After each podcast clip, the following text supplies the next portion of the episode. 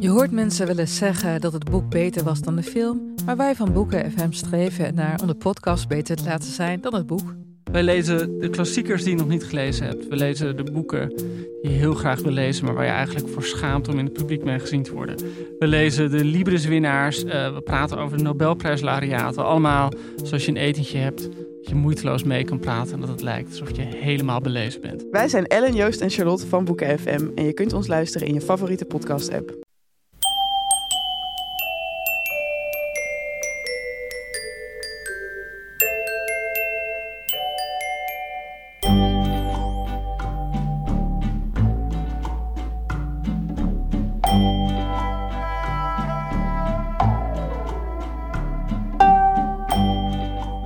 Aflevering 396 van Echt Gebeurd. De podcast waarin mensen hun eigen waargebeurde verhalen vertellen. Deze week een verhaal dat Nathalie Baartman in januari vertelde tijdens haar verhalenmiddag met als thema woede.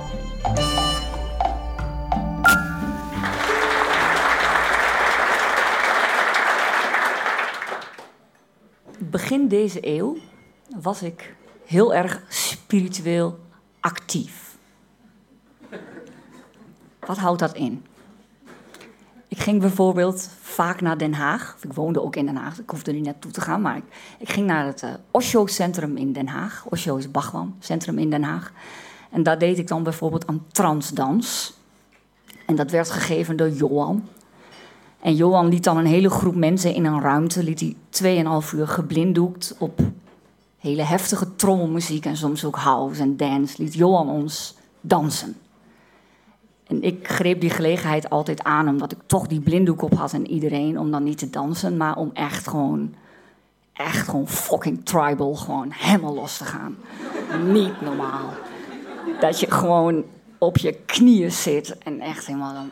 Ja, ik wil het wel uitbeelden, maar het is een verhalenmiddag. Ik ga het ook niet doen, maar het was lekker. Het was echt headbangen op de grond. Het was gewoon, ik denk als, ja, het was hekserig ook, hè. Het was zo wild.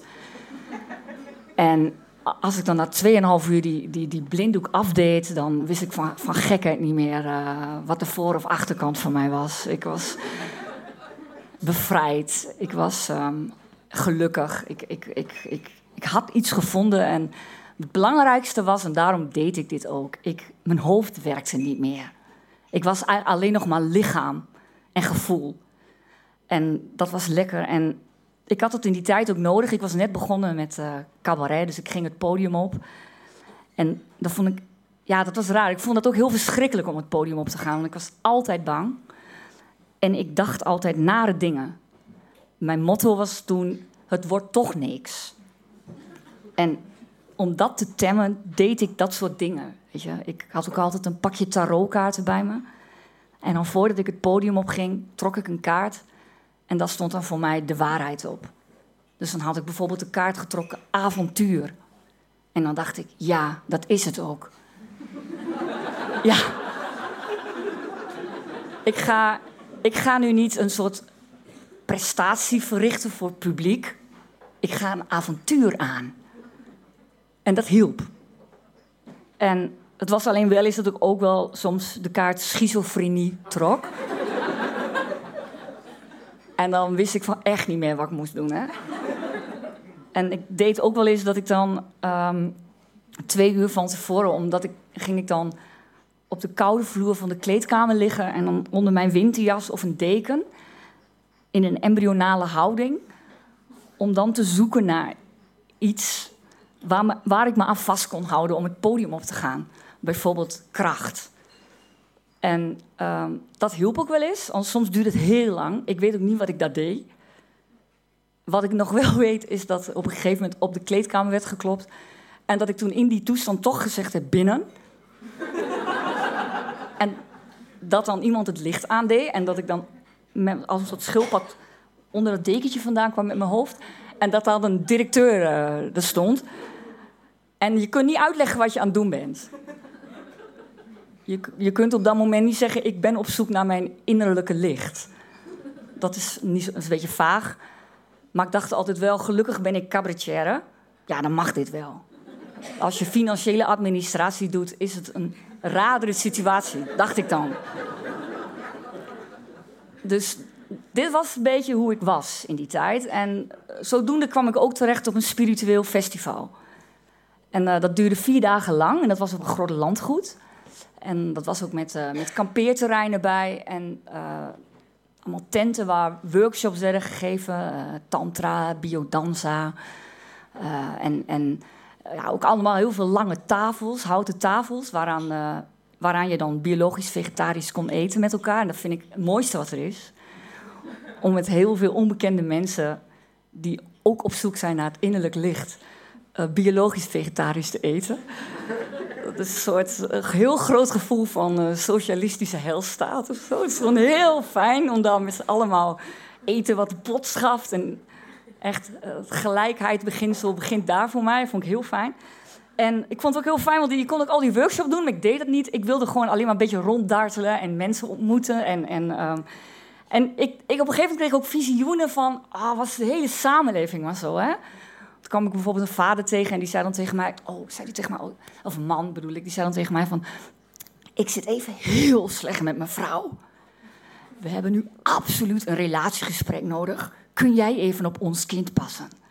En dan zei ik, tuurlijk. En toen dacht ik, zo zou de hele wereld moeten zijn, dat je dat kan doen. Of als ik zelf niet lekker in mijn vel zat, dan kwam bijvoorbeeld ineens een kind naar me toe. En die zei, ik heb een tekening voor jou gemaakt. Dus ik zag eigenlijk een beetje van, was de hele wereld maar zo. Uh, tot het moment dat ik me heb aangemeld voor toch een workshop. En dat was de workshop shamanistische zweethutceremonie voor vrouwen. En ik had dat nog nooit gedaan, een shamanistische zweethut. Ik had er al veel van gehoord, of veel over gehoord. Uh, dat dat uh, heel reinigend zou zijn voor alles. Voor je emoties, voor je lichaam, voor je ziel. Ik dacht, ja, dit is echt iets voor mij. Want dan kom ik uiteindelijk bij iets uit waar ik me altijd aan vast kan houden, dacht ik. Dat is dan als je gereinigd bent, gaat alles van je weg. En dan ben je alleen nog maar ja, wie je bent, dacht ik. Dus ik ga er, dacht, ik ga er aan meedoen. Voor mensen die niet weten wat het is, een shamanistische zweethutceremonie, dan is er een soort klein tentje gemaakt van wilgetakken. Daar overheen worden dekens gelegd.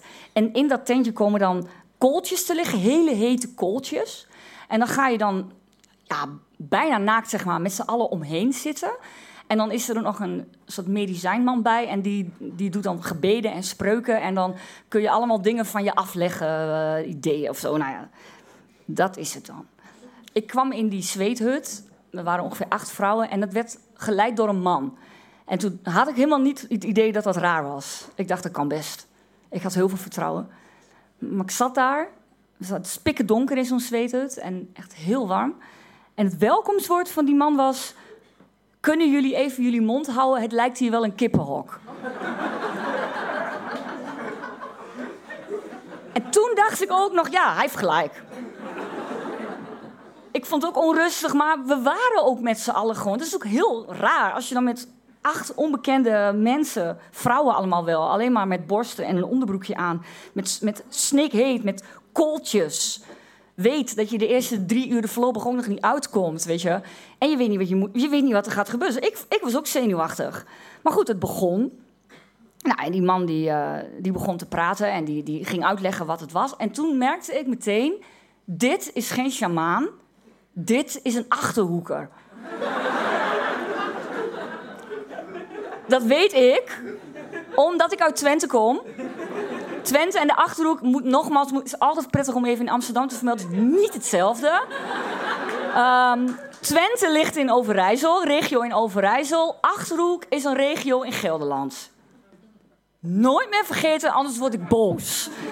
Dat is echt woede voor mij. Maar goed, dit, dit was zo. En, die, en ik vind nog steeds, dat vind ik echt, ik vind je kan best wel gewoon een medicijnman zijn.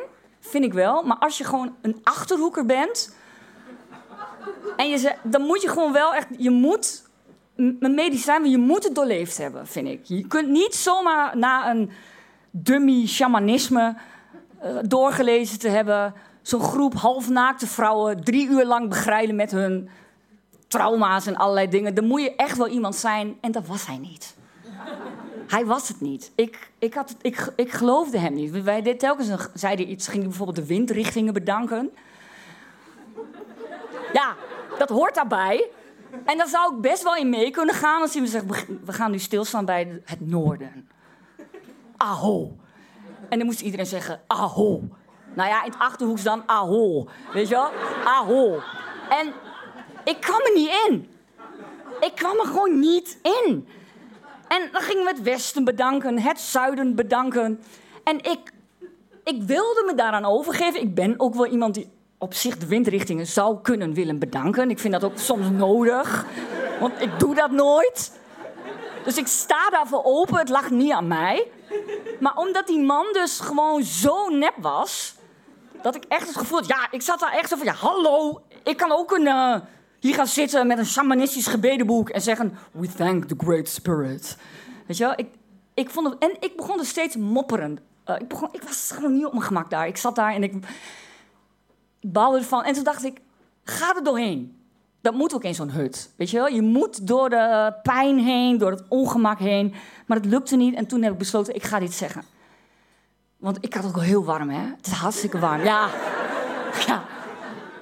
En uh, ik, ik had het benauwd. En ik zat er achterin. En ik vond het verschrikkelijk. Verschrikkelijk vond ik het gewoon. Ik wou weg.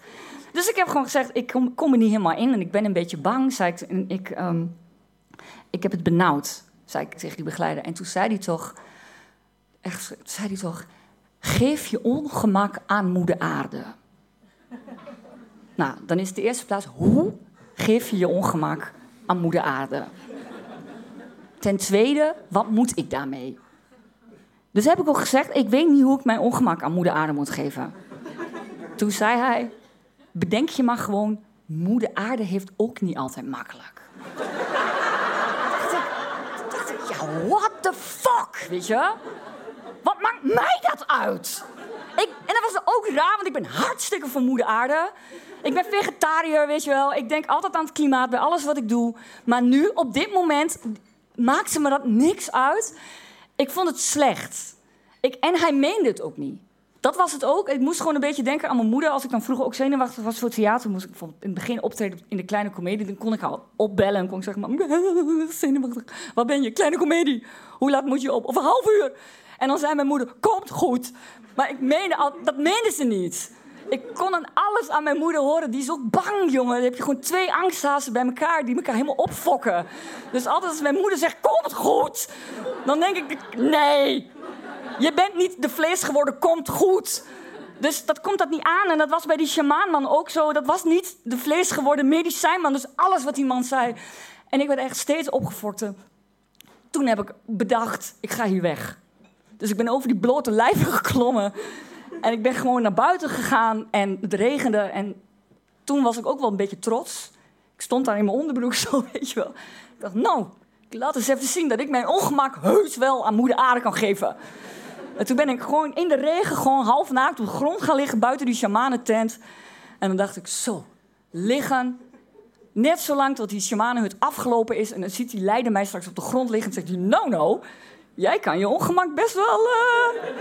Want het was ook heel ongemakkelijk, want er lopen natuurlijk ook mensen voorbij, weet je wel. Maar het is een spiritueel festival, dat is allemaal goed. Dat hoort daarbij. Dus ik lag daar. En dat was, dat was wel lekker, ja. Dat was regen op mijn lichaam en uh, ongemakkelijk. Ja, ik, ik, werd meteen wel weer rustig. Totdat er na een kwartier of zo al heel opgefokt een vrouw uit die zweethut kwam. Stampvoet. Eikel, zei ze. Goed zo, dacht ik. Nog één weg. kwam even later kwam er weer een vrouw uit. Ook boos. Ik denk, weet je, goed man.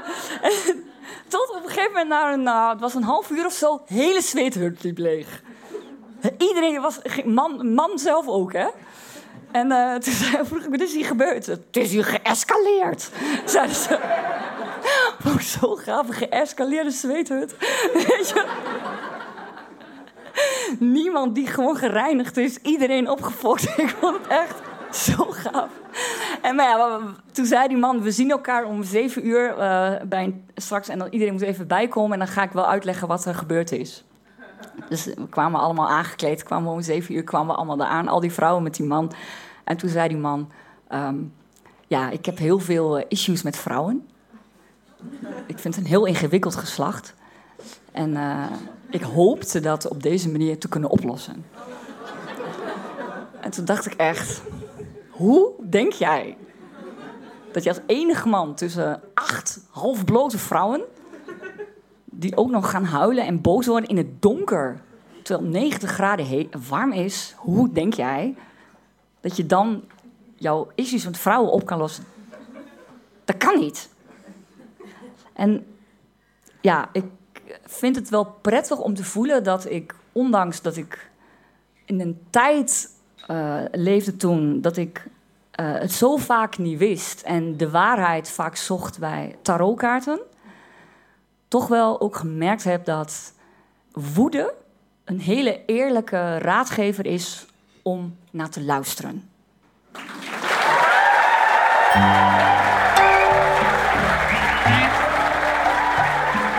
Dat was een verhaal van Nathalie Baartman. Nathalie is cabaretier en toert momenteel langs de Nederlandse theaters met haar nieuwe voorstelling Snak. Alle speeldata kun je vinden op de website nataliebaartman.nl. Dat is Nathalie met een H en Baartman met een T. Dat zeg ik tegen mezelf, want ik wil daar eigenlijk snel heen om een kaartje te bestellen. De redactie van Echt Gebeurd bestaat uit Paulien Cornelissen, Renette Kwakkerbos, Tom van Rooyen en mijzelf, Micha Wertheim. Onze zakelijk leider is Hanne Ellingen, Jasper van Oorschot maakt het geluidsopname in Toemler en onze podcast wordt gemaakt door Gijsbert van der Wal. Dit was aflevering 396. Bedankt voor het luisteren. En als je nare dingen denkt, is het soms zo'n slecht idee nog niet om even een paar uur fucking tribal te gaan.